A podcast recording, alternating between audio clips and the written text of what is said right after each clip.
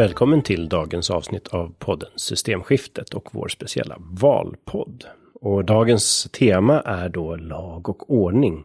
En av de frågor som väljarna tycker är viktigast. Men vi kommer som vanligt ha ett annat perspektiv. Och för att hjälpa mig med det så har jag med mig då Jonas Ropé. Som har varit med och startat eh, End Ecoside och Ecoside Law. Alliance. Alliance, ja just det dessutom. Eh, tack för att du kunde komma hit. Och sen eh, sitter du lite olika styrelser och annat. Tack.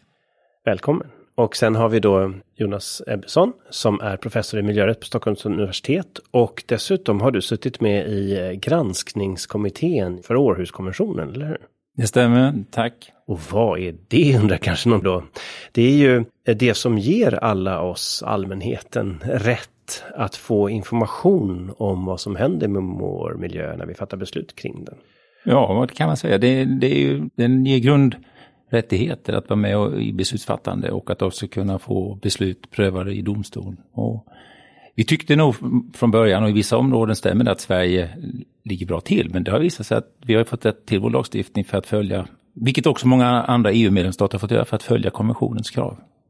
Just det, för EU har då en implementerande lagstiftning där man eh, kräver vissa saker av medlemsländerna som de måste genomföra. Då. Och eh, Århuskonventionen är ju faktiskt en bra start eh, på diskussionen. För vad vi pratar om normalt sett när man pratar om brott och straff och så, där, då är det ju våldsbrott och annan kriminalitet som berör direkt en människa som händer nu.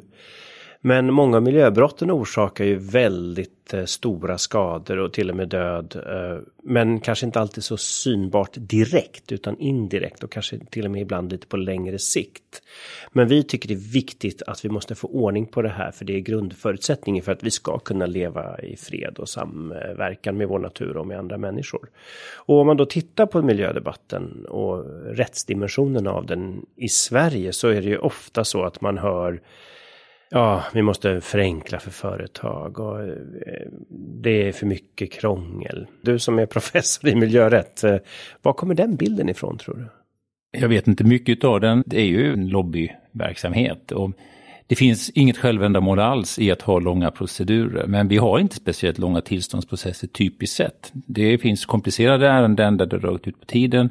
Men man ska också komma ihåg när man pratar tidsprocesser att de här besluten, om det handlar om infrastruktur, de kommer påverka oss inte bara i decennier utan i sekler. Se hur Sverige är uppbyggt längs järnvägen och de beslut som togs på 1800-talet. Så att bygger vi nya vägar, men också om vi planerar gruvindustri eller så är det ju beslut som kommer att ha väldigt långsiktiga effekter. Och i det perspektivet så är beslutsprocesser på några år inte så farligt. Och det viktigaste är att man får ett ordentligt underlag, både för att skapa legitimitet och trovärdighet i beslut, men också för att de ska vara så bra som möjligt.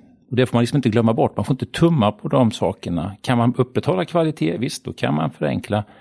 Men eh, det finns ett sånt drev idag och eh, man har också använt några fall för att liksom stödja sig på rätt som inte är representativa. Cementa-avgörandet och LKAB-målet som fick väldigt mycket uppmärksamhet har använts som exempel på att processerna i Sverige är långsamma och sega. Men de är inte alls representativa, för i de flesta fallen så får företag tillstånd inom en rimlig tid. Och om man tittar på de här kända exemplen, Norra Kärrgruvan, där är också ett annat känt exempel. Och där har ju JO sagt att det till stor del är företagets egen förskyllan att det har dragit ut på tiden för de har gjort så dåliga miljökonsekvensbedömningar. Och när det gäller Cementa så har ju de i flera år bekämpat myndigheternas krav. Myndigheterna har i flera år påpekat att de har gjort fel när det gäller att redovisa nollscenario och vattenflöden till exempel. Och LKAB glömde att skicka ut särskilt samråd till några några hundra med människor med värmepumpar som skulle påverkas alldeles specifikt och särskilt. Och det finns en lång rättspraxis att eh, om när det händer så ska man informera specifikt om de påverkan som sker för de villaägarna då. Så att det är ju ganska, om man skulle säga nybörjaraktiga misstag. Varför gör så stora företag med miljardinvesteringar den typen av fel egentligen? Jag tycker också att det är missar av dem. Det är inte alltid helt enkelt att veta vad som ska ingå eller inte i en miljökonsekvensbeskrivning, men i Cementa-fallet som du säger, när man läser det avgörandet så ser man att tillsynsmyndigheterna har lyft upp det här flera gånger. Det finns säkert andra avgöranden, enstaka där man kan tycka att det har dragit ut alldeles för långt på tiden, men om man ska ändra en hel processstruktur så kan man inte bara plocka ut ett och annat. Och som sagt, de här Cementa och LKAB-målen, de är inte representativa, för där är det företagen själva som har klantat sig.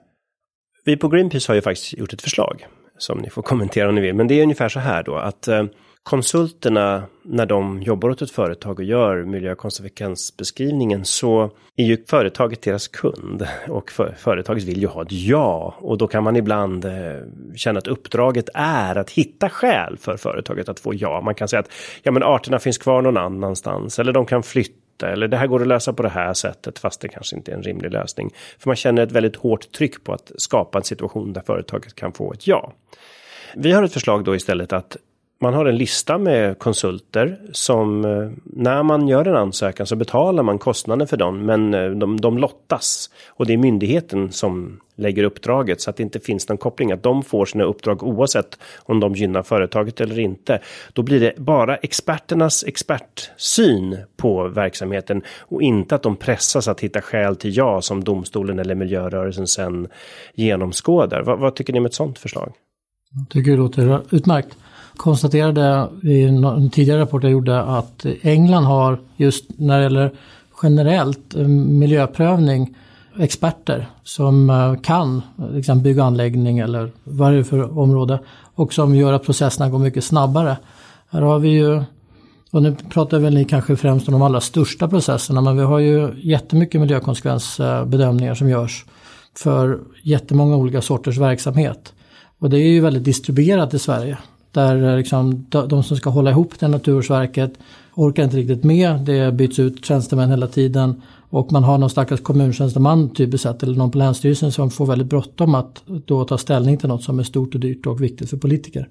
Så att professionalisera och liksom dra ihop det tycker jag generellt sett är rätt och det låter ju som att det här skulle vara ett sätt att professionalisera upp det förenklare. Och det där var alltså Jonas Ropé, så att lyssnarna nu kan skilja på de två Jonas som är i studion. Och nu kommer Jonas Ebbesson. Just det, och man kan tänka sig någon sån lösning också. Jag ser inte det som ett så stort problem att företagen levererar miljökonsekvensbeskrivningar om tillsynsmyndigheterna och tillståndsmyndigheterna är vakna på detta. Och det tycker jag ganska ofta att de är. Det finns ju till och med, jag håller med dig Jonas om att det finns ett problem med tjänstemän och kvinnor, personer som byts ut, men jag tycker att våra tillsynsmyndigheter, givet de resurser de har, gör ett sakligt och bra jobb. Men sen, de hängs ju också ut då för att vara aktivistiska när de faktiskt bara gör det de ska.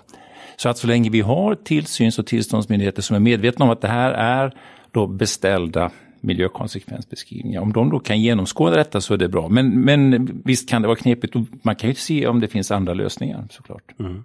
Vi har ju också sett då inte bara hur eh, miljöprocesser i tillståndsprocesser har ökat på senare år. Vad vi har sett växa fram är också allt fler fall där stater stäms av människor eller miljöaktivister för att inte genomföra vad de har lovat att göra eller vad de måste göra enligt lag. Och en del säger då att jag ska domstolarna ta över miljöpolitiken, men eh, Egentligen handlar det ju om att genomföra våra lagar och beslut som man har demokratiskt har bestämt. Eller hur ser ni på den frågan? Ja, jag tycker så. Jag tycker att det är en viktig utveckling och en väldigt viktig sak att ta upp. Särskilt i tider när en del också som är klimatengagerade ibland vill gå förbi demokratiska processer för de tycker inte att demokratin kan leverera och att inte rättsstaten kan leverera för att det är så brådskande. Så tycker jag att de här processerna visar att det går att upprätthålla både rättsstatliga och demokratiska idéer. Där också regeringar ska följa lagen. Vi ska alltså inte ha system, klimatsystem där regeringarna kan ta genvägar eller skippa någonting åt någondera hållet. Utan det handlar här om att ganska, har staten gjort det den ska enligt en nationella lagstiftningen, om vi tar för Sveriges del till exempel klimatlagen, eller enligt internationell rätt för att följa Europakonventionen. Och eh, domstolarna är dessutom medvetna om detta. Vi känner ju till fall där vi kan tycka att domstolar går in i politiska processer. Det är ofta ett argument man för fram mot amerikanska domstolar till exempel. Men både Europadomstolen och till exempel den nederländska domstolen i Urgenda, de är väldigt tydliga. Urgenda är alltså en miljöorganisation? Ja, som... i Urgenda-målet ja, mm. där de stämde staten hade framgång i båda de fallen så är domstolarna väldigt medvetna om sin roll och reflekterar också över att de ska inte lagstifta. De prövar om de här befintliga regelsystemen har följts eller inte. Och jag tycker att det är en väldigt central sak i en klimatomställning att man värnar de här sakerna. Och ett annat känt rättsfall är ju också Shell. Att i en, i en holländsk domstol så blev ju de ådömda att minska sina utsläpp med 45 procent mellan 2019 och 2040. Så att det här kan också riktas mot företag, även om det hittills har varit mer ovanligt. Eh, mm. Jonas, vad är din take? Ja, det är en rätt komplex fråga och väldigt viktig som du har. Alltså om man börjar med självfallet där i Holland så en holländsk domstol tar ju inte hänsyn till offren i andra länder till exempel. Så det saknas en lagstiftning som är global.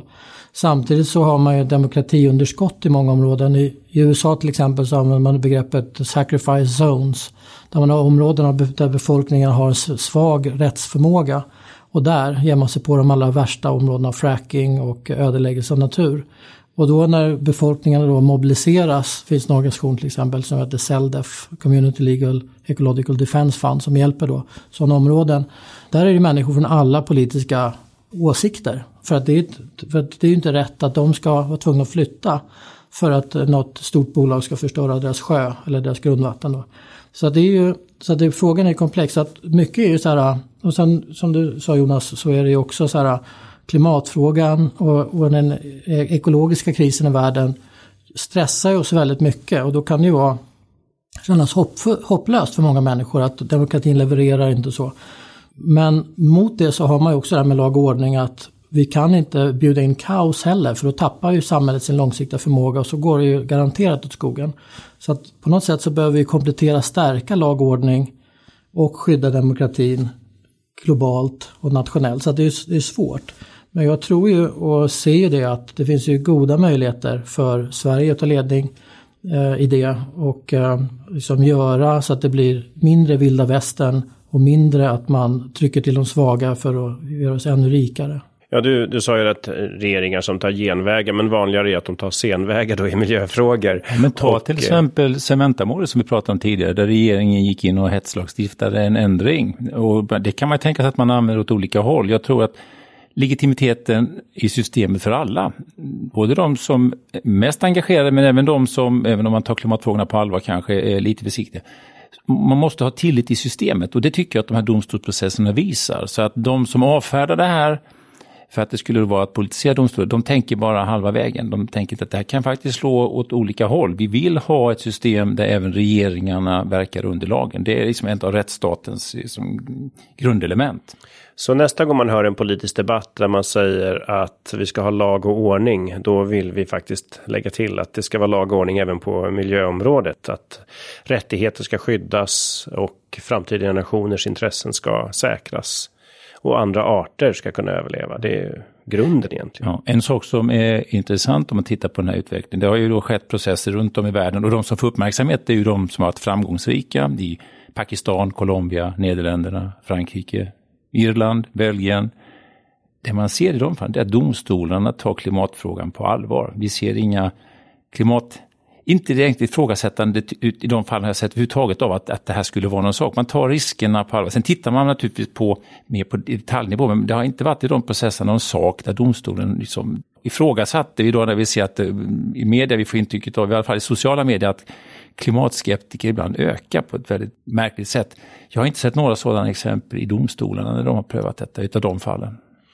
Om man tittar på de här domstolsprocesserna så har de ju, som du var inne på förut, Ebbesson, att eh, de kan ha lite olika grund. De kan bottna i konventionen om mänskliga rättigheter, men de kan också bottna i ett lands nationella klimatlagar eller internationella åtaganden när är det liksom bra och när är det mindre effektivt? När har man varit framgångsrik? Vilka instrument brukar ge framgång här? Eller finns det ingen generell sån tendens? Jag tror det är svårt att säga. Det vi eh, har sett i de europeiska fallen allt mer det är att Europakommissionen har åberopats. Och det finns en omfattande och intressant praxis i Europadomstolen på miljöområdet generellt som egentligen startade på 90-talet och framåt idag. Som har gjort väldigt tydligt att rätten till liv, rätten till respekt för privat och familjeliv, rätt till en rättvis domstolsprövning, de är tillämpliga och innebär också en rad rättigheter på miljöområdet. Men det har inte varit något riktigt klimatfall ännu som har avgjorts i Europadomstolen. Jag är övertygad om att domstolen gärna vill ha ett sådant fall, för att nu är det ofta nationella domstolar som i Nederländerna, i Norge, som har åberopat Europakonventionen. Och det här portugisiska fallet då, med mm. ungdomar som har stämt alla länderna. Mm. Ser du att det kan bli ett tillfälle för domstolen att faktiskt yttra sig i den frågan? Jag tänker tvärtom, kanske till något specifikt. Jag tycker inte att det är ett fall som domstolen ska ta upp. Eh, där var det ett antal ungdomar som stämde över 30 stater. Och läser man den stämningsansökan så är den inte välskriven. Jag kan förstå engagemanget, jag ser att det bör prövas, men att använda en stämningsansökan för 30 länder utan att urskilja hur varje enskilt land har följt eller inte följt, det blir inte en, en, riktig process. Alltså det finns en risk att man underminerar den rättsprocessen. Så mitt, det jag hoppas ska komma ut är att domstolen avvisar den ansökan men ändå gör tydligt att den är öppen för klimat, klimatprövning. Och det ligger några andra fall, där bland annat ett schweiziskt fall och det norska fallet där man har överklagat det här beslutet som gällde Barents hav. Där tror jag att Europadomstolen kan komma att utstaka viktiga principer. Ja, norr, norrmän har tillsammans då miljöorganisationen och Greenpeace var inblandat där. Mm. Eh, så har man ju stämt då de här eh, nya tillståndsgivningar, Precis. utvinning över olja i Arktis. Mm. Som man då säger att det, det, det är definitionsmässigt i strid med att nå målen. Så det är fallet och det är ett schweiziskt eh, mål som ligger i Europadomstolen om klimat också. Som jag tror då kan vara bättre lämpade än det här portugisiska. Men det här är ju en viktig del då att se till att när de här målen når eh, instanserna att de är väl skrivna och väl underbyggda så att man inte får negativa prejudicerande fall då. Mm. Det är en viktig tanke att ha med sig. Ja, det, men det är det verkligen. Och tittar vi på några av de här processerna, Uganda-målet var ju oerhört skickligt argumenterat och det är också väldigt välskrivna domar i alla instanserna där. Mm. Så det är riktigt, det kan slå tillbaks, driver man den här typen av processer osakligt så kan det slå tillbaks. Sen kan man ju den här processen drivas utan att man vinner men det har ändå varit ett sakligt prövning och det kan ju också visa att lagstiftningen kanske behöver skärpas för att uppnå mål såklart. Så ett, ett hett tips till de som vill gå vidare, eh, använd erfarna jurister och det utan att göra reklam för dagens gäster då förstås.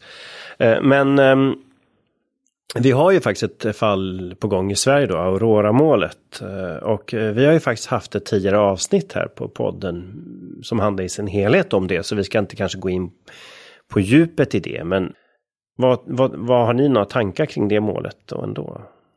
Jag behöver se vad eh, de grundar sina yrkanden på, hur yrkandena ser ut. Men jag har vid flera tillfällen skrivit att det är möjligt i Sverige att driva en process liknande den i Nederländerna i Urgenda-målet.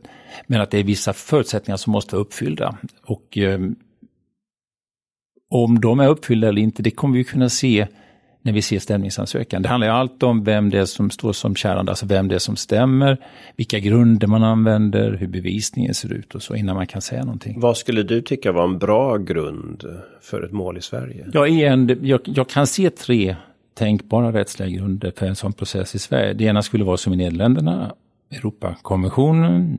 Det andra skulle kunna vara den svenska klimatlagen som ju formulerat väldigt tydligt ansvar juridiskt ansvar, inte bara politiskt, på, på regeringen och på staten. Det tredje skulle då kunna vara barnkonventionen, men jag ser nog att det är, det är minst, eh, jag ska säga kanske det svåraste, för det finns väldigt lite praxis om det här. Alltså klimat, barnkonventionen är tillämplig på klimatet, men det är ganska allmänt formulerade förpliktelser. Men igen, att man kan driva en process är en del, frågan om man är framgångsrik, då måste man också kunna visa att, igen, att lagstiftningen inte följs i Sverige. Och um, att det gick i Nederländerna innebär inte att per automatik att det kommer att gå i Sverige, utan det beror på hur de argumenterar. Så att det är svårt att säga någonting, tycker jag, innan jag har sett mm. deras argument. Och då kommer vi vidare till nästa sak här idag och det är ju just, eh, det handlar inte bara om att tillämpa lag. I den här podden så diskuterar vi alltid nya förslag på lösningar. Och ett av de förslag vi ska prata om idag är ju då möjligheten att införa ekocidlagstiftning. Och Jonas R då. Eh, berätta lite, du har ju varit engagerad i den här frågan länge. Vad är det för något?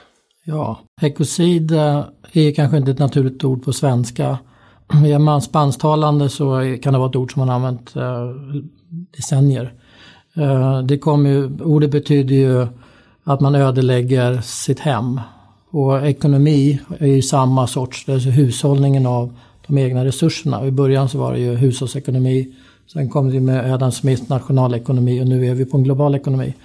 Och ekocid är ju att man förstör det gemensamma hemmet var någon som sa att om man ska beskriva vad vi gör med planeten i ett ord så är det ordet ekocid. Vi ödelägger vår egen planet och våra livsförutsättningar. Och det är inte ett brott. Det är ingen ny idé. Den första statsministern var Olof Palme på första miljökonferensen 1972. Ja precis lyfte. och det är ju nu exakt 50 år sedan här i början av juni som den öppnade igen då. Han, han sa redan i sitt anförande där, han nämnde då det här redan då. Ja, uh, indisk, uh, alltså hänsynslös ödeläggelse av folks livsmiljö behöver bli ett brott. Uh, och nu, så här, nu är vi liksom vi, tar vi steget in i NATO. Jag hör att det finns ju röster som säger att vi tappar vår röst, vår oberoende röst kring lagordning och så. Och eh, här har vi ett väldigt fint arv med Sveriges statsminister i FNs första miljökonferens som la grunden för institutionellt miljöarbete i hela världen. Att liksom verka för en förbättrad eh, lag i världen och den saknas. Och när du säger det i världen då, då tänker man sig då att det finns ju Romstadgan för mm. brott mm. mot mänskligheten. Mm. Och där finns det flera kategorier som är ganska välkända bland många, det med folkmord eh, och krigsbrott. Men då skulle man alltså lägga till en till kategori som skulle vara brott mot naturen så att säga. Kan man säga. Precis, det femte brottet. Hur skulle det fungera då? Skulle man ändra Romstadgan då och vad krävs för det? Ja, det är, eh, precis. Man gör ett tillägg till Romstadgan. Det är en, en effektiv byråkratisk process. Alltså byråkratisk i ordets eh, positiva bemärkelse. Så att vad, vad man, man behöver en statschef som eh, väcker, ta, väcker frågan. Så att vi vill rösta om den här frågan. Vi vill att den ska utredas. Och så börjar en utredning som kan gå ganska fort. Och då behöver man två tredjedels majoritet av de som signerat Romstadgan. Och den är ju, Romstadgan är ju liksom instiftad för att komplettera nationell lagstiftning och stärka den och höja den lägsta nivån. Så att den, den, man kan säga att den ger nationer förmågan att döma saker i den domstolen också. Och två tredjedels majoritet och sen behöver det ratifieras. Och så det är en process som tar ett, ett väldigt litet fåtal år att genomföra. Ja, och till skillnad från eh, till exempel FNs säkerhetsråd så finns det ju inget enskilt land som har veto mot att införa ekocidlagstiftning i stadgan då, eller? Nej, det är korrekt. Den processen kommer löpa på. Och hur då, om det här skrivs in, vad skulle ett tänkbart ekocidbrott kunna vara? Ja, um, det finns en definition skriven av tolv ledande experter på internationell rätt. Uh, som är ett förslag på vad de skulle kunna stoppa in som ett femte brott. Och det gör det lite lättare att diskutera. Och där är det ju saker som redan är olagliga eller som är alltså, ordentligt oproportionerliga i förhållandet mellan nytta och skada. Det är kan man säga ohållbara saker som ehm, är vårdslösa eller redan olagliga och där lagstiftningen, kanske rättssystemet är svagt. Men, men ordentligt, alltså de allra värsta brotten är det helt enkelt. Och ett, ett exempel är ju Miradorgruvan i Ecuador som ligger i början av Amazonfloden i Ecuador och det är 600 mil eh, fall till den kust som vetter mot Sverige kan man säga. Då. Och den är byggd då med principer som de, inte ens de kinesiska bolagen skulle använda i Kina långt sämre än vanlig standard och det är en av världens största koppar och guldgruvor som kommer då skapa en tsunami som är giftig och tar sig från ena kusten av Latinamerika till den andra.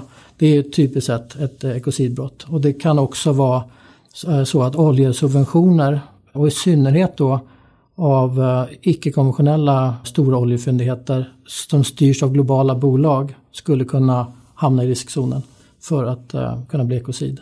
Och då till exempel en massiv avskogning eller degradering av skogsekosystem till plantager och liknande. Det kan också infattas då eller? Ja men det behöver vara en, en enorm skala eller enorma konsekvenser för att det, det tar, ja, det går på, på brott som är liksom av, av intresse för mänskligheten egentligen. Amazonas alltså. Det är ju typiskt. Om man skulle... Eller norra barrskogsbältet som, som lagrar mer koldioxid än Amazonas och alla tropik. Mm tropiska skogar tillsammans kanske. Ja.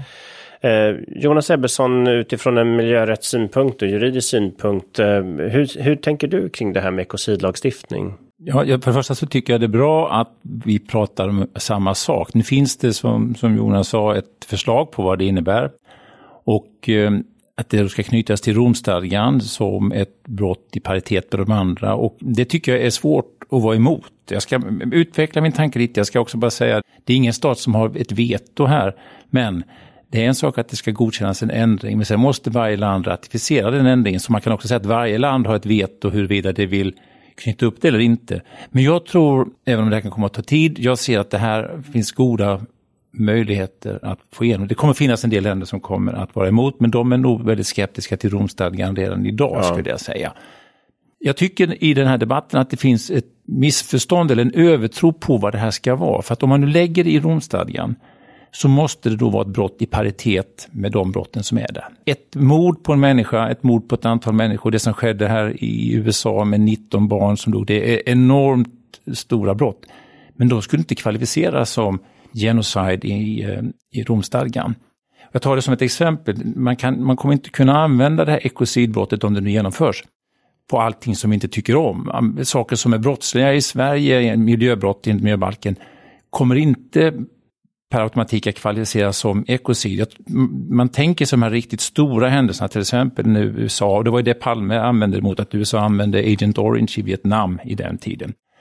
När eh, Saddam Hussein tände på alla de här oljepumparna i samband med att man lämnade Kuwait. är också ett sådant exempel. Jag kan inte säga att de här enskilda fallen som vi nämner skulle kvalificera för detta eller inte, men man måste komma ihåg att det här är då väldigt graverande brott. Som naturligtvis får både en juridisk och en sorts moralisk återverkning på andra saker. Men, men ofta används till exempel ekocid i koppling till klimatförändringar. Och jag tror inte att man kommer kunna använda det här på oljebolag. För det första så, eh, vi kan tycka illa om det, men många gånger så har de fått driva detta utifrån den lagstiftningen som finns. Dessutom är så att klimatförändringarna är resultatet av väldigt många, alltså av hundratals, tusentals, hundratusentals miljoner, miljarder människor har bidragit till detta. De brott vi pratar om som prövas i domstadgan och i brottmålsdomstolen placerar man ansvaret på en person eller på några personer. Och det är väldigt svårt att göra när man tänker sig på klimatsammanhang. Så jag, samtidigt som jag ser att det här är en väldigt bra och viktig utveckling så tycker jag att det finns en övertro på vad det här kommer kunna användas till också. Men eh, då är vi alltså mer eller mindre överens om att det är en bra idé att införa det här. Vi ska inte ha falska förhoppningar om vad det kan användas till. Men vi ska också vara tydliga med att det skapar en eh, tankeställare för de makthavare som vill ge tillstånd för gruvor vars gruvdammar kan förorena en hel flod eller till ett folk. Eller den som vill tillåta en kemisk fabrik som förorenar en hel generation barn, hindrar deras utveckling.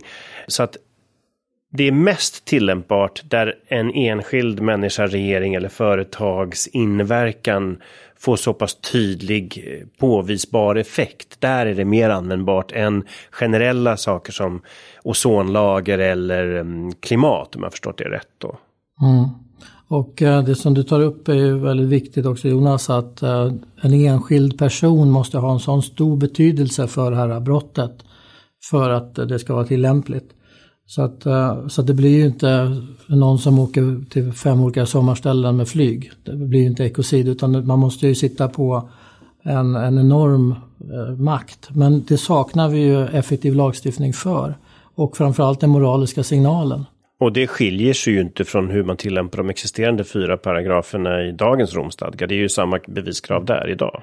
Ja, och sen är det ju också, eh, för att föregripa det vi kommer till senare, eftersom jag har sett agendan för vad vi ska prata om, kopplingen till hur vi värdesätter inte bara skador på människor utan också på miljön. Det saknas ju ett sånt här brott i Romstadgan, också som trycker på att, att skyddet av miljön är så viktigt, även om det kommer, tror jag, användas i väldigt få fall i praktiken så är det en viktig, har ett viktigt eh, signalvärde, ett viktigt rättsligt värde att det finns där. Och jag har svårt att se givet att man nu lägger det på den nivån att det ligger i paritet med de brotten som är så kan jag inte se ett enda rationellt skäl emot att föra in det där. Nej, för det är väl det då. Det finns alltså inget direkt krav på att det ska drabba en viss folkgrupp eller någonting utan att det är att själva naturen förstörs.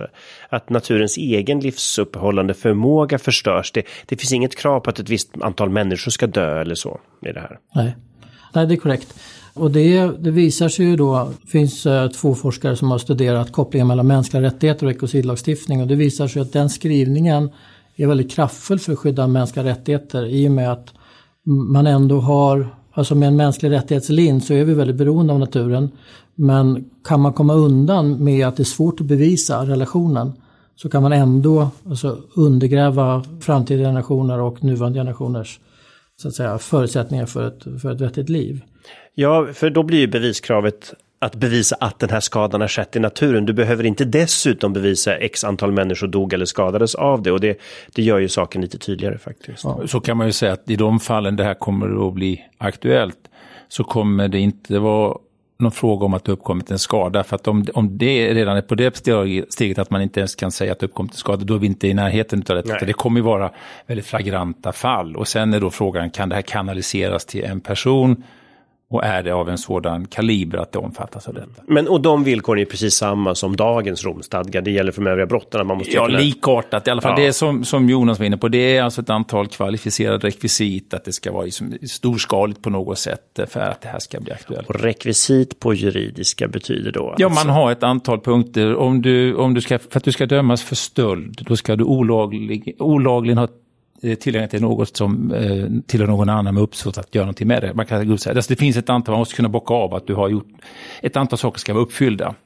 Men just i Romstadgan finns det ju faktiskt det här att um, när det gäller krigsbrott då så är det ju faktiskt inte bara, eller folkrättsbrott, att det behöver faktiskt inte vara just uppsåtligt att man ville skada en befolkning, utan det, att man borde ha förstått att det var en oundviklig konsekvens av ens handlande och detsamma gäller ju då även ekocid antar jag. Exakt, ja det är korrekt. Man, ja. man, man, behöver kunna ha en rimlig kunskap om effekterna. Just det. Man behöver inte ha med multipla uppsåt. Nej, och, och så nej. ser det ju ut om vi tittar på det, den, det grövsta brottet i Sverige på miljöområdet, alltså då miljöbrott, så kan du bli dömd eh, för det även om du inte har varit, gjort det avsiktligt, om nej, det har varit, liksom, om det varit vårdslöst. Så, mm. så det, det är liksom ingen ny tanke i det. Nej.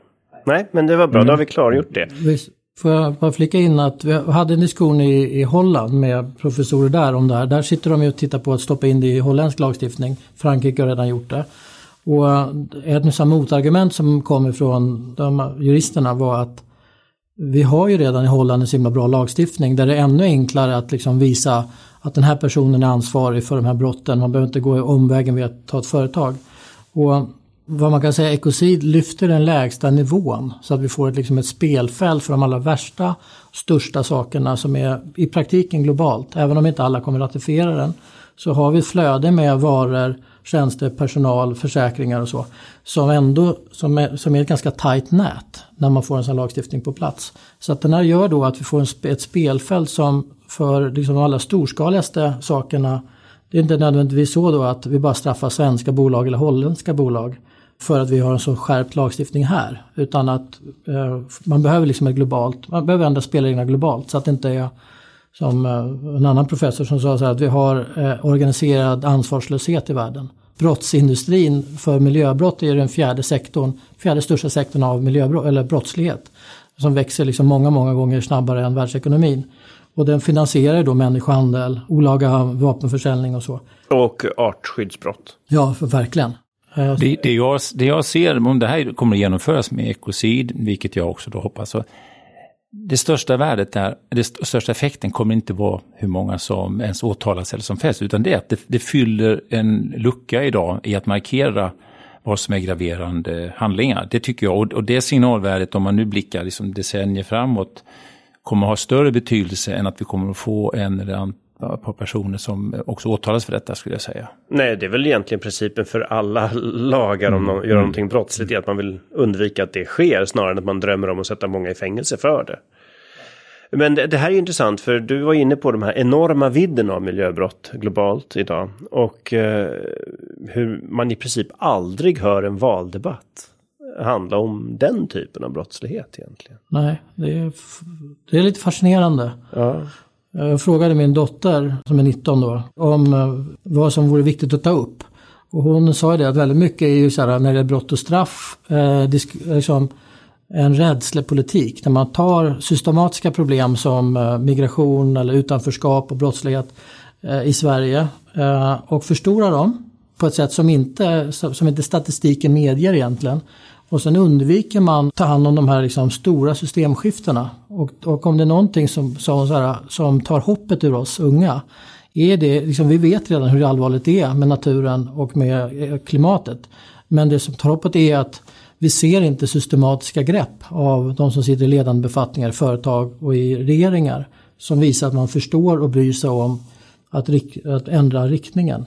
Det finns en intressant sak tycker jag som har fått lite medieuppmärksamhet i Sverige men som nog förtjänar mer. Det är EUs lagstiftning om aktsamhetskrav på europeiska företag när de verkar utanför Europa. Alltså det här är ju, vi har kunnat se sådana fall där då företag utnyttjar eh, statsgränser och jurisdiktionsgränser till att driva verksamhet i andra länder där de sen inte kan hållas ansvariga för de eh, skador som uppkommit, om det sen är i form av brott eller skadestånd eller annat. Och det, det här ser jag som en väldigt viktig sak nu, att man börjar införa lagstiftning. Och om EU gör det, man kan ha synpunkter på om det går tillräckligt långt eller inte, men att få det som på engelska kallas för en due diligence, alltså ett, ett generellt krav på att företag ska ta hänsyn till miljöskydd, mänskliga rättigheter när de verkar utanför sitt eget land också. Och gör de inte det, då ska de kunna hållas ansvariga på hemmaplan. Det där tycker jag är en otroligt viktig sak. Och USA har ju Alien Tort Claims Act som just faktiskt går... Ja, fast den, den, lagstiftningen den, den infördes uh, egentligen för att uh, motverka sjöröveri på 1700-talet. Sen kom man ja. på att man kunde använda den här och i några fall har man haft en del framgång.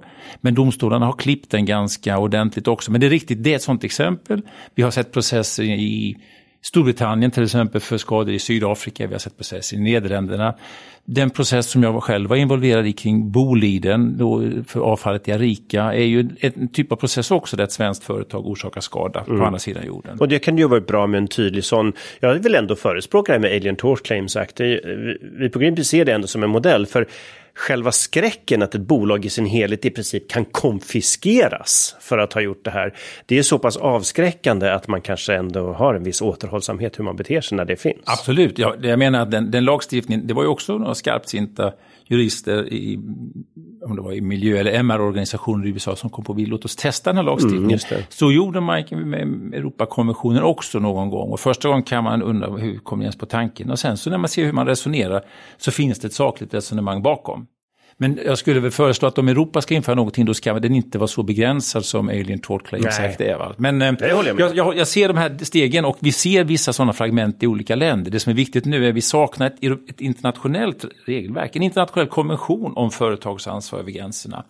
Och i den utvecklingen så är EUs nya lagstiftning väldigt viktig tycker jag. Mm. Nej men det är bra att vi tog upp det just att eh, vi behöver stifta lagar för att våra företag inte ska bete sig som svin någon annanstans. Så enkelt är det faktiskt. Och vi har ju en hel del exempel på svenska företag som håller flaggan högt hemma men som beter sig så när de inte är i Sverige. Det kan handla om telebolag i Centralasien, det kan handla om militärindustri, det kan handla om gruvindustrier och utanför Sverige. Så vi ska och, inte och här är ju Sverige annat. ett sällsynt bra exempel på hur white collar crime, som det här ibland kallas, är, är riskfritt. Alltså, fram till nyligen så var ju maximala företagsboten 10 miljoner, vilket är ju mindre än en promille av de förtjänster man kan göra på en sån muta till exempel.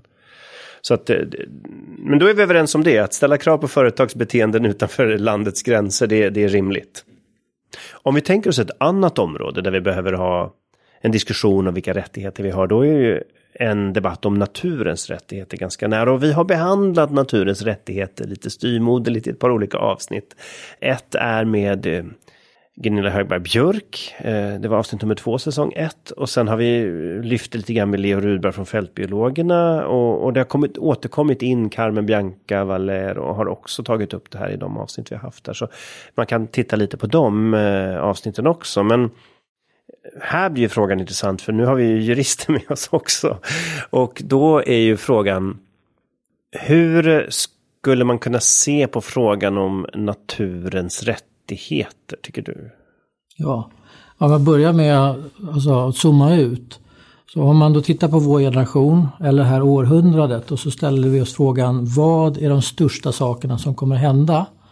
Och i förhållande då till hur vi sköter oss i förhållande till kommande generationer till exempel. Då är ju ekocid en av de största frågorna.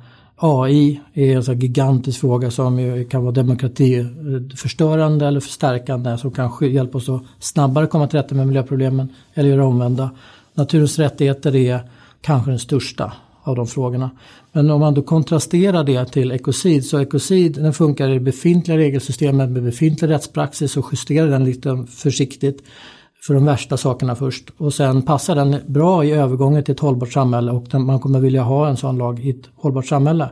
Naturens rättigheter, den är liksom inte global på det sättet utan det är typiskt sett Indien som kommer på att Ganges och en till flod ska skyddas. Ja, Nya Zeeland har ju skyddat en flod och Colombia har också gått vidare. Här. Ja, Ecuador har det inskrivet. Och eh, nu är det ju aktuellt att Spanien skyddar eh, Europas största saltvattenhav kan man säga. Som heter Mar Menor. Eh, och ger dem rättigheter. Och, och då kan så att säga diskussionen som är i media och så är rätt mycket så här, men mänskliga rättigheter, ta inte naturen över våra mänskliga rättigheter. Men naturens rättigheter handlar ju mer om att det här ekosystemet eller den här regionen eller den här gigantiska floden Eh, har en rätt att utvecklas och leva och finnas kvar. Det är inte okej okay att förorena och döda en flod eller stänga av en älv till 100 procent. Och om man då, som det finns ju flera fall i Latinamerika, när man då dumpar massa saker i den floden, då, då träder ombudsmän fram och säger det här är inte okej, okay, det här behöver ni återställa och reparera.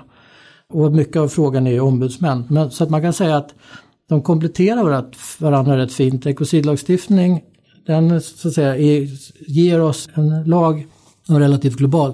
Naturens rättigheter, då skyddar man så regioner, enstaka alltså värdefulla ekosystem och, och ger då verktyg för det. Som, som är ett, idag ett väldigt kreativt utforskande. Så att det som Nya Zeeland gjorde inspirerade de Indien och så tittar ju liksom hela världen på hur går det med Indien. Och där hade man ju till exempel Eh, miljöminister för Indien som en av de obligatoriska eh, förmyndarna för Ganges. Och han protesterade och tog det där domstol och försökte överklaga för att han menar ju så att Ganges svämmar över och har ihjäl tusentals människor varje år. Och, och som ni betraktar Ganges på det sättet ni formulerat naturens rättigheter så är det ett, barn och jag är förälder. Och då blir jag ju liksom enligt vår egen lag eh, ersättningsskyldig för något som jag inte har kontroll över. En minister som inte vill ha makt, det var ovanligt. Exakt. Så, att, så att det, är väldigt viktigt. Men det som jag tänker kommer vara något för dig också Jonas att hugga är ju att det är en annan rättspraxis. Jurisprudence på engelska. Alltså rättsfilosofin är annorlunda när man betraktar naturen som eh, att den har rätt att utvecklas ett, ett självständigt liv. Eh, Medan väldigt mycket av lagarna är ju ägarbaserade en annan sorts rättsfilosofi. Så på det sättet så kan jag tycka att det är en ganska revolutionerande idé med naturens rättigheter som jag är väldigt tacksam för att man håller på att experimentera med. Men det är väl en intressant frågeställning. Hur får man ihop det här med mål och rättigheter? Det är, det är absolut en intressant frågeställning och diskussion. Jag, skulle, jag ser det på två nivåer där jag tycker att den ena är en viss överromantisering och kanske en övertro på detta, men där det finns ett värde i den här diskussionen. Jag tror precis, och det är egentligen den enda parallellen jag vill göra med ekocid, för jag tycker att det är två separata frågor. Mm. Det är att båda på något sätt påminner oss om värdet att värna natur och våra livsförutsättningar. Och i det sammanhanget så är det naturligtvis väldigt viktigt att, att liksom påminna om att vi kan inte eh, använda resurserna, vi, kan, vi måste ta betydligt mer hänsyn och stärka de, de faktorerna. Det tycker jag, och det, det, kan den här diskussionen bidra till. Men sen finns det, tror jag, en övertro på vad det här kommer att kunna göra. Eh, att, att man ger de här rättigheterna. Nu beror det på hur de olika ländernas system ser ut, men det finns ju alternativa sätt till detta och vi, jag kan inte se något man ska man säga empiriskt eller något faktiskt underlag som visar att naturen skyddas mer i de områdena där man har pekat ut och gett dem rättigheter än vad de kanske gör i ett land som, jag vill inte lyfta fram Sverige, men ett land där man ser det här som ett allmänintresse men där man ger miljöorganisationer och enskilda möjlighet att hänvisa till allmänintressena utan att för den skull liksom definieras som ett rättighetssubjekt. Att om det är enskilda arter eller enskilda miljöer, Ganges, vad vinner man på att Ganges får rättigheter i sig. Alltså det, det, det ställer så många följdfrågor och skyddet av samma vattensystem blir inte enklare för att du ger det rättigheter. För du kommer fortfarande behöva ta hänsyn till vad är det för aspekt du ska väga dig emot.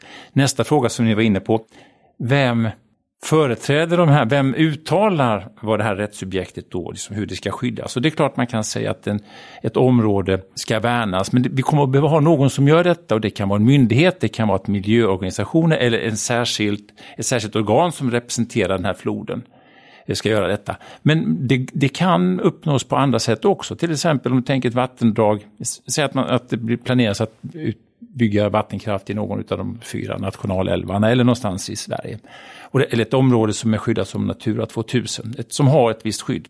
Så är det idag så att dels har vi våra tillsynsmyndigheter som ska verka för att de här skyddsintressena beaktas och vi har ju ändå en hel del exempel, Ojnare och andra, där det faktiskt har haft en inverkan även om inte naturen gav oss rättigheter. Vi kan eh, se att miljöorganisationer i sin argumentation de, de har rätt att både närvara och överklaga, kan föra fram de här intresseaspekterna. Och enskilda i tillståndsprövning, i, till exempel i Sverige, kan också åberopa framtida generationer, biologisk mångfald och allting, utan att de här pratar om att de har rättigheter. Så att mycket av detta kan uppnås ändå. Jag ser att det finns i vissa områden eh, ett absolut värde av detta. Men, jag, men det finns också, liksom, tycker jag, en viss förenkling när man pratar om att det här kommer att kunna liksom då revolutionera och göra så mycket annat. För många av avvägningarna mellan olika aspekter kommer man behöva ha där också, till exempel mellan transport, vattenflöden och annat. Jag tror att de flesta jag pratar med om naturens rättigheter som jag själv tittar på ganska länge och eh, när vi på Greenpeace tänker om det här med naturens rättigheter så ser vi lite grann som ett sätt att få människor att se på naturen på ett nytt sätt att undvika det här med dominans och kontrolllogik. Vi har ju sett hur dominans och kontrolllogik, ja, över kolonier, det blev ju inget bra.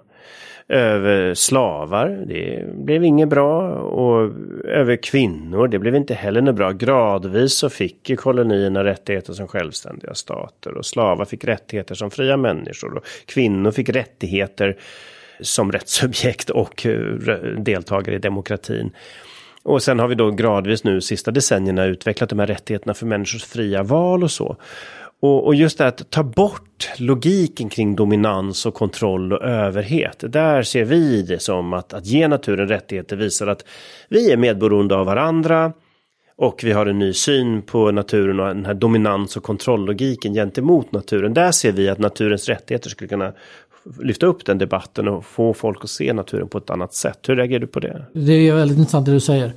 Och eh, jag tror ju, alltså, när jag tittar på naturens rättigheter tidigare så har jag tänkt att det här är ju som du också tycker jag är inne på Jonas, att det är ett enormt skifte i vårt mindset och hur vi tolkar lagar. Ocean Race, de som heter Volvo Ocean Race, de är för havets rättigheter. För de har ju sett själva när de seglar över haven och racear över haven hur de dör. Och Stockholm Environment Institute har ju släppt en rapport som heter, ehm, nu tappar jag vad den heter, men som också som är helt ny, som beskriver eh, den här stora accelerationen av eh, exploatering av haven i områden utanför nationell jurisdiktion. Eh, som är ganska rättslöst. Och då i det sammanhanget, apropå vad du sa, så, så hörde jag från, från Ocean Race att Karl-Henrik Svanberg, alltså Ericssons förra vd och eh, han som fick åka till Obama när Obama ville ha någon att slå på käften för Deepwater Horizon. För oljespillet från British Petroleum. Han är för havets rättigheter. Varför? Därför att rättigheter är ett begrepp som företag förstår och kan förhålla sig till. Så att det behövs en balans. Alltså vi har en, ett, ett objekt som vi bara exploaterar, som är rättslöst, som vi är beroende av. Och kanske är det precis som du också är inne på att alltså, rättighetsbegreppet behöver lyftas upp så att vi kan förhålla oss till det. Men om du då tar de här exemplen, både sa Volvo Race och sen sa du då när eh, oljeutvinningen, det var British Petroleum. Mm. Jag menar, vem, om, om, man nu tar det här på allvar med att något ska ha rättigheter, det ska uttrycka någonting. Hur är de då definierade? Menar, det, om nu havet har en rättighet, ska man ens få genomföra de här racen på vattnet? Ska man få bedriva oljeutvinning? För mig låter det som när BP säger detta så är det, kan lika gärna vara en sorts grön tvätt, liksom att man säger det för att man vet att det kommer inte att drabba oss i alla fall, drabba oss. Om du tänker ett vattendrag och man tar det på allvar igen, hur formulerar man detta? Vill, alltså, det kommer att vara några som representerar det här vattendraget för att ändå bevaka dess skyddsintressen. Och det kan ju, alltså, vad är det som säger att inte det skulle tillåtas att det exploateras? Alltså vem definierar om det här vattendraget, nu sätter jag inom citationstecken, vill, önska om rätten att göra detta? Alltså vi kommer att hamna i likartade viktiga avvägningar i alla fall. Jag, jag håller med om värdet i att förstärka liksom, den ödmjuka känslan av att man inte bara bränner av resurser hur som helst. Och jag tror att i vissa system kommer det här funka. Och jag tror hela den här diskussionen kring det som kallas för Earth Jurisprudence som du är inne på är intressant. Och den hämtas ju mycket från icke-västerländska icke tankar, inte minst mycket av ur, urbefolkningar i Latinamerika. Men mm. det är mm. påtagligt också i andra områden. Och jag, jag menar, vi ska, vi ska lära och lyssna av det också. Men man ska, man ska inse att det kommer inte att vara så att bara för att vi ger Vättern rättigheter så har vi löst problemen med de knepiga avvägningarna. Det är den, det är den saken Men jag, jag, jag tror inte att det, alltså när jag träffar folk som sysslar med så är det inte det eh, som egentligen folk hoppas på, utan man hoppas på den här attityd och positionsförflyttningen och förståelsen för symbiosförhållandet vi har med naturen. Och eh, Eh, sen är det ju lite grann, vi är fast i vårt västerländska extraktionstänk lite grann. Vi ser alltid naturen som någonting vi ska ta. Vår ingång är att den här vill vi utnyttja. Man skulle ju kunna vända på det och säga att utgångspunkten är att den här naturen är vild och lever för sig själv. Och på nåder kan vi inbjudas att, att bruka den försiktigt. Liksom det är en synvända på det sättet då. Jag tycker att ett intressant exempel är från Tyskland där en skog äger sig själv. Det var några miljöaktivister som köpte loss den och sen då så måste man ha skötselåtgärder i skogen.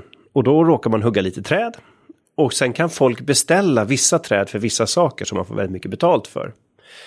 Skogen har ingen nytta av pengarna. Intäkterna från det här då går skogen till att köpa loss fler skogar och ser sina grannar. Så att skogen äger sig själv. Och det kan även kapitalister förstå. En skog som äger sig själv den har rättigheter. Eh, så att eh, det är väl ett sätt att överföra det här kapitalisttänket eh, bort från kapitalism och till liksom ett rättssubjekt-tänk istället. Jag ser det lite grann så. Och om man tittar på till exempel då, vem äger vem egentligen? Man kan ju tänka sig att bikupor hyr in människor som säljer honungen och att det är liksom att vi är deras tjänare för en men, lön. Men du blir också fast lite tycker jag i en retorik. Vi har ju stora områden i Sverige som åtminstone inte faller under någon enskild persons äganderätt staten eller samhället mm. äger detta.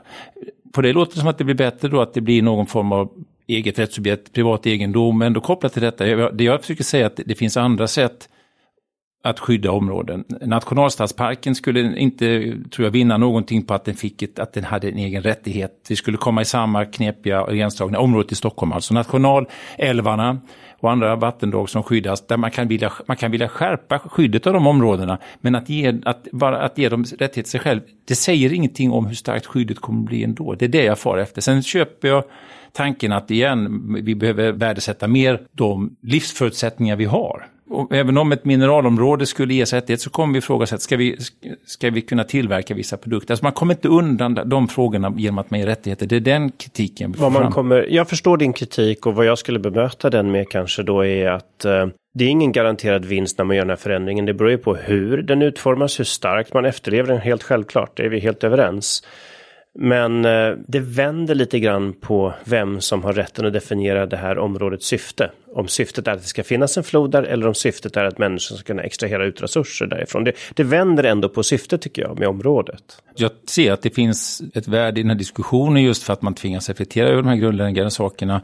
På samma sätt som när vi i Sverige pratar om naturområden. Då, då är det ju rätt ofta en äganderättsdiskussion som vi inte har varit inne på här. Men den blir också ganska snäv ibland i vad mån markägare ska få hantera sin mark. Eh, då pratar jag inte om förorenade verksamheter utan i form av man skyddar biologisk mångfald och annat. Som ju har en effekt också utanför det egna området. Så man kan ju låsa in sig väldigt mycket om man ser allting i äganderättsperspektiv också. Ja, nej, det var, jag tyckte bara ett roligt exempel för det är någonting som västerländska människor har lättare att förstå. Mm. Men akta, man ska vara försiktig också så man inte går in i det retoriska knepet att man faller in i de, eh, i de här sakerna. För att igen, att se det här som allmän, någonting som värnar som ett långsiktigt skydd är ju ett annat sätt. Så jag vill ändå liksom mm. Utmana, vi ska, måste få lite stunds diskussion här liksom. Så. Det gläder mig Jonas att du, är, att du är, inte omfamnar idén med naturens rättigheter rakt upp och ner och köper den sådär. För att det är ju, det är ju ett jättestort kliv mm. fram i rättstänkande, i rättsfilosofi, i i existentiell filosofi också. Och det är också intressant här eh, med hur ursprungsbefolkningar ser på det. Och det var en amerikansk forskare som åkte runt till områden och intervjuade då de här ombudsmännen och befolkningar som drivit igenom naturens rättigheter i olika länder, bland annat Nya Zeeland. Och var ju, tyckte det var ett, ett fantastiskt begrepp tyckte han. Och då fick han ju så här av nyzeeländska ursprungsbefolkningen ganska hårt alltså kritik och tycker att rättighetsbegreppet är ett västerländskt påhitt. Det är ju helt och där, där sätter du tummen på någonting. Alltså jag håller med dig, det här du sa, vad du sa att det är ett existentiellt begrepp. Ja. Det köper jag. Men just detta, redan detta att vi pratar om det som naturens rättigheter, tror jag gör att man missförstår en del av de här ursprungsfolken, urfolken tänker. För, för dem är det inte frågan om rättigheter överhuvudtaget. Hela den liksom rättighet, skyldighet, det är någonting annat det handlar om, ett sätt att värna någonting. Men om vi då för över detta till vårt sätt att tänka rättigheter, då hamnar vi i de här knepiga frågorna. Jag tycker att det här är ett, ett, ett intressant tema för ett kritiskt tänkande. Och att, att avfärda rakt av, det, det blir bara larv. Jag tycker att det finns någonting värde i detta, men jag vill också problematisera och säga att det är lite naivt att tro att det här skulle per automatik då innebära ett skärpt miljöskydd. Och det är egentligen det jag vill lyfta fram. Men det är inte heller någonting som jag har hört dig Nej, men säga. Alltså det, och jag har inte hört någon ja. någonsin säga just det. Så din mm. kritik där, den, jag tycker inte riktigt att den biter vad jag däremot hör vad du säger är att om det här inte görs på rätt sätt så kommer det inte stärka skyddet. Och det skulle vara intressant att gå igenom lite grann. Jag, jag ser få förespråkare som tror att nu när vi har ju naturens rättigheter så är problemet klart. Nej, men jag det, tror jag att många tar det lite som en genväg. De argumenten har jag hört. Men, men absolut att det kan, man ska följa detta och de här tankarna som finns i ett icke-traditionellt sätt utifrån att, att, att, tänka på vårt förhållande till naturen tror jag absolut är oerhört värdigt för en självkritik.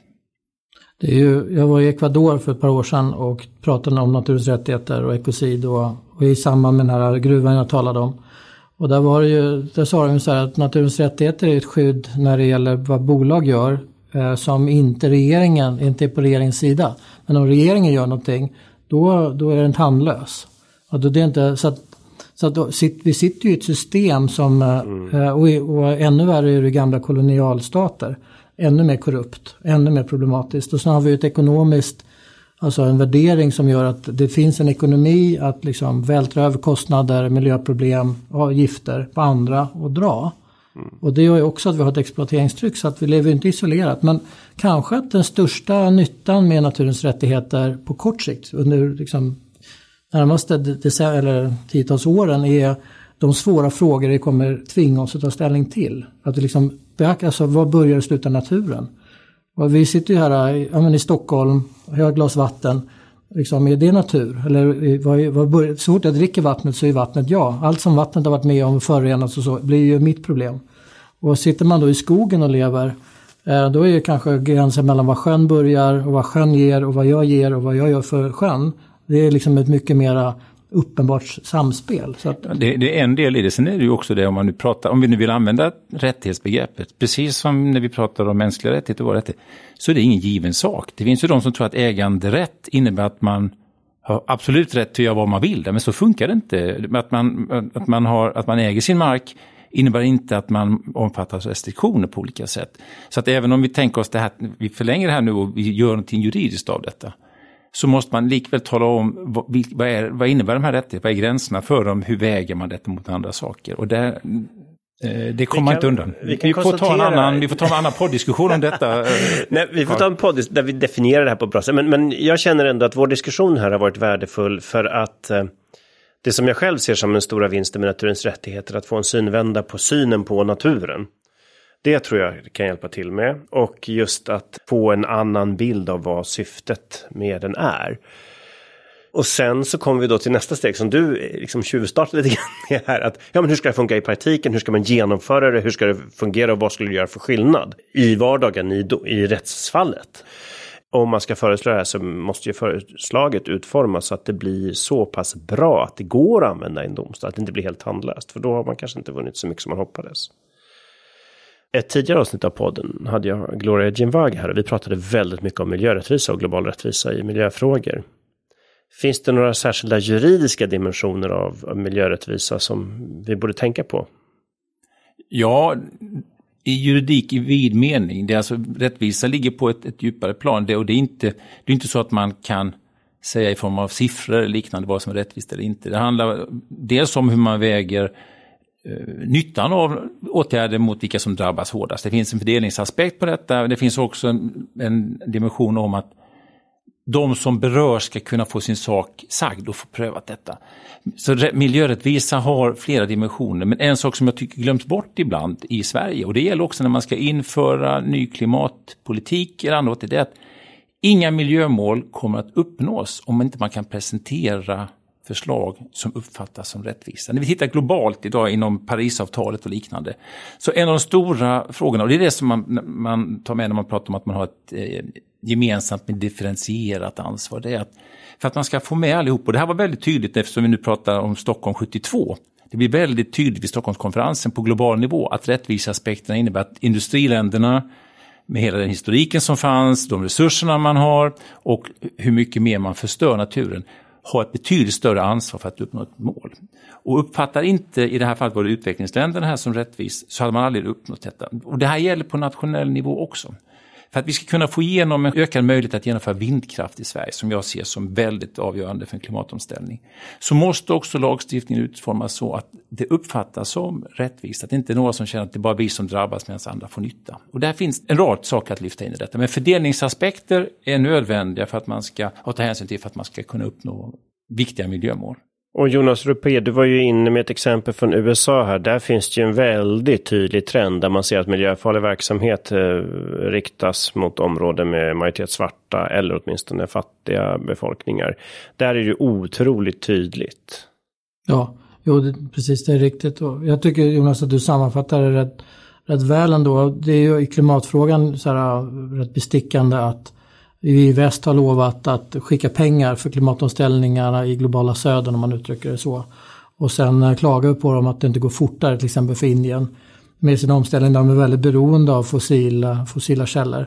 Och så har de inte fått eh, några några förutsättningar. Och eh, det är en viktig aspekt är att man behöver ha mekanismer. Och där är jag väldigt glad för den här expertkommittén i, för ekocid som har byggt in mekanismer som gör att man inte straffar dem som inte har något vettigt val utan man, man ger sig efter dem som är de allra värsta och där det är helt oproportionerligt hur vinsterna fördelas och hur skadan fördelas. Det är ett fint och ett svårt område som, som vi, där vi har vår historik som ett stort problem. Vi, vi, kan ju se att, även om vi nu pratar juridik, även om lagstiftningen ser helt neutral ut på pappret, så kan det också vara så, som det är, du tog exempel från USA, att den har genomförts och den drivits på på ett sätt som gör att vissa har drabbats oproportionellt hårt.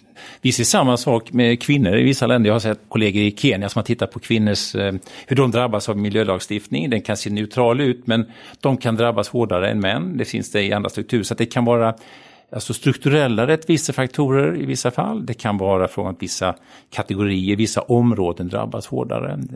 Många lyfter fram det här på ett väldigt snabbt sätt också mellan stad och land. Men det finns ju också någonting i detta som man måste ta hänsyn till.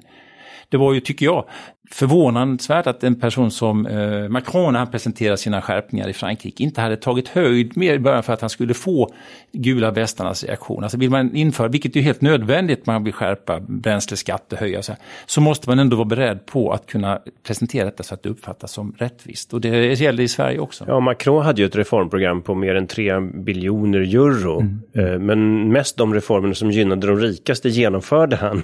Mm. Mm. Eh, inte de som han hade lovat hela befolkningen befolkningen, landsortsbefolkningen. Så det var inte så konstigt att det blev en motreaktion där. Mm. Det här är någonting som vi haft uppe tidigare i podden. Med Alf Hornborg så pratar vi just om inte bara resursexploatering utan människoexploatering också. Att vi köper billig arbetskraft runt om i världen och det är det som vårt välstånd har kunnat bygga på. Och det är ingenting som människor i de länderna som nu måste utvecklas mer ekonomiskt, att de, de har inte någon annan att liksom utnyttja för det. Utan det måste ske mer globalt rättvist och då måste vi bjuda till också med att de får en ökad andel av jordens och, resurser för att kunna göra den här ja, omställningen. Och för att då kasta in en liten brasfackla här, så länge vi har våra mobiler så kommer vi behöva ha vissa typer av metaller och vi måste ändå även i Sverige vara beredda att ta den diskussionen. Ska det utvinnas i Kongo eller Kina eller om vi vill ha de här, ska vi vara beredda att utvinna det i Sverige också?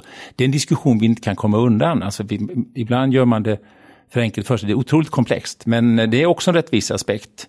Var hittar vi de här jordarts, de här viktiga metallerna någonstans? Det finns en till eh, brandfackla av en annan slag och det är ju en rättviseaspekt vi inte pratar om. Iron and Earth, jätteintressant organisation jättekompetent på fossilutvinning och alternativa alltså, vägar.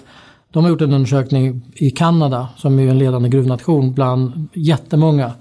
Det är kanske 10 000 eller så de har intervjuat.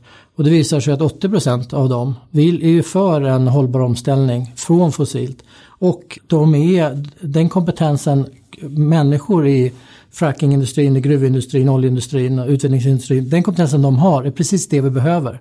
Det är ingen, det är ingen skillnad, ingen väsentlig skillnad att svetsa upp en, en vindkraftverk mot att göra en pipeline till exempel. Otroligt mycket av den tekniken som vi snabbt behöver mobilisera på.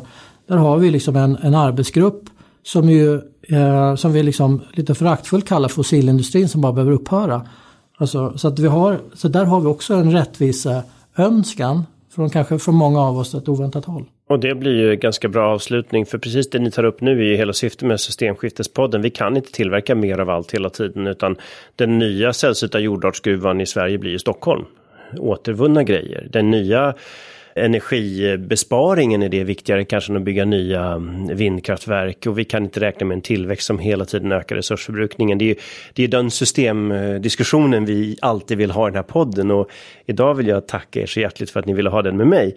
Men innan jag släpper er så skulle jag vilja ställa en sista fråga. Och det är vilka är era favoritreformer som ni hade velat höra i valdebatten på området som vi har pratat om idag?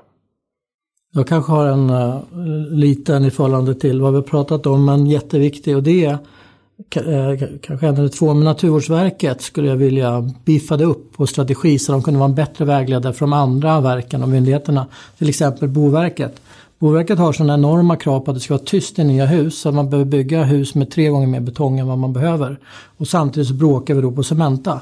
Städerna är de som kan ställa om systemet utan att vänta på vår regering. De behöver liksom, där behöver mer experimentverkstad och Naturvårdsverket skulle vara en jättebra koordinator om de tog det greppet och vart en starkare vägledare. Och sen har vi också det här med att det ska inte straffas att vilja försöka. Så att när det gäller offentliga upphandlingar i Sverige så hade det varit bra om kraven, eller uppföljningen var minst lika bra som kraven. Så att de som inte ljuger så att säga i uppfallningsögonblicket och sen kommer undan för att man inte kollar att de verkligen är så bra som de att inte det liksom systematiskt lönar sig att vara en bandit helt enkelt. Jag såg en utvärdering av upphandlingar, miljökrav i Östergötland. och bara 2-3 procent av alla upphandlade miljökrav efterföljdes i efterhand och granskades och uppdaterades. Ja, och det skapar en systematik som är fullständigt demoraliserande. Ja. Så där har man två stycken starka reformer för att minska vår, alltså, eller som du kanske skulle kalla det, att eh, dekappla tillväxt ifrån förbrukning. Alltså, ta byggsektorn bara jättefort, 3% av ett hus behåller vi, alltså återvinner vi när vi river det. Resten krossar man, kör till deponi eller använder som grus. Så att vi är väldigt mycket mera omhändertagande om konsumentprylar. Liksom, men där är ändå 45% av vårt resursuttag. Som vi pratar om när det gäller städer och infrastruktur. Och Jonas Ebbesson, ditt svar på frågan, vilken favoritreform skulle du vilja höra mer om i valrörelsen? Ja, jag kommer inte vara så konkret. Jag tyckte Jonas förslag var väldigt bra, men det jag saknar nu, det är ett steg tillbaka. Var finns det politiska ledarskapet för miljö och hållbarhetsfrågor överhuvudtaget? Jag upplever idag att debatten nästan går ut på att på ett populistiskt sätt gå åt andra hållet. Man vill sänka bränsleskatterna, man värmer, så man, det går åt fel håll. Jag, jag, saknar, det gäller internationellt, men det gäller också tycker jag i Sverige idag, en, en, alltså ett konstruktivt sätt att tänka nytt politiskt. Jag tycker att svensk industri på vissa håll visar mm, förnyelsetankar, liksom man eh, nu i stålindustrin och annat. Men politiskt sett idag så ser jag väldigt lite av seriöst eh, engagemang och väldigt lite av konstruktivt framåtblickande ledarskap på ett, ett hållbart tänk om miljöskydd. Och det skulle jag vilja se mer av. Det blir betydligt mer abstrakt än dina argument, men det skulle jag vilja se att det kom in i valdebatten. Ja, och då om man vidgar det till ekonomiska och sociala reformer också. Det är väldigt mycket teknikprat i Sverige. Det, det skulle vara intressant tycker jag. Men eh, tack så hjärtligt för att ni kunde komma hit idag. Tack. Tack. Tack för att ni lyssnade på vår valpodd här på Systemskiftet. Nu tar vi ett uppehåll. Ni gör er roll här i demokratin genom att ställa era politiker till svars och välja kloka val där. Sen återkommer vi efter valet i höst och då kommer vi ha nya gäster. Och du får väldigt gärna föreslå både teman och personer du tycker att vi borde prata med. Så kom gärna med dina förslag. Tack för att du har lyssnat på dagens avsnitt av Systemskiftet. Podden produceras av Greenpeace i Sverige. Medarbetarna är Christian Åslund, Alexia Fredén och Ludvig Tillman. Och jag som är värd, Carl Schlüter.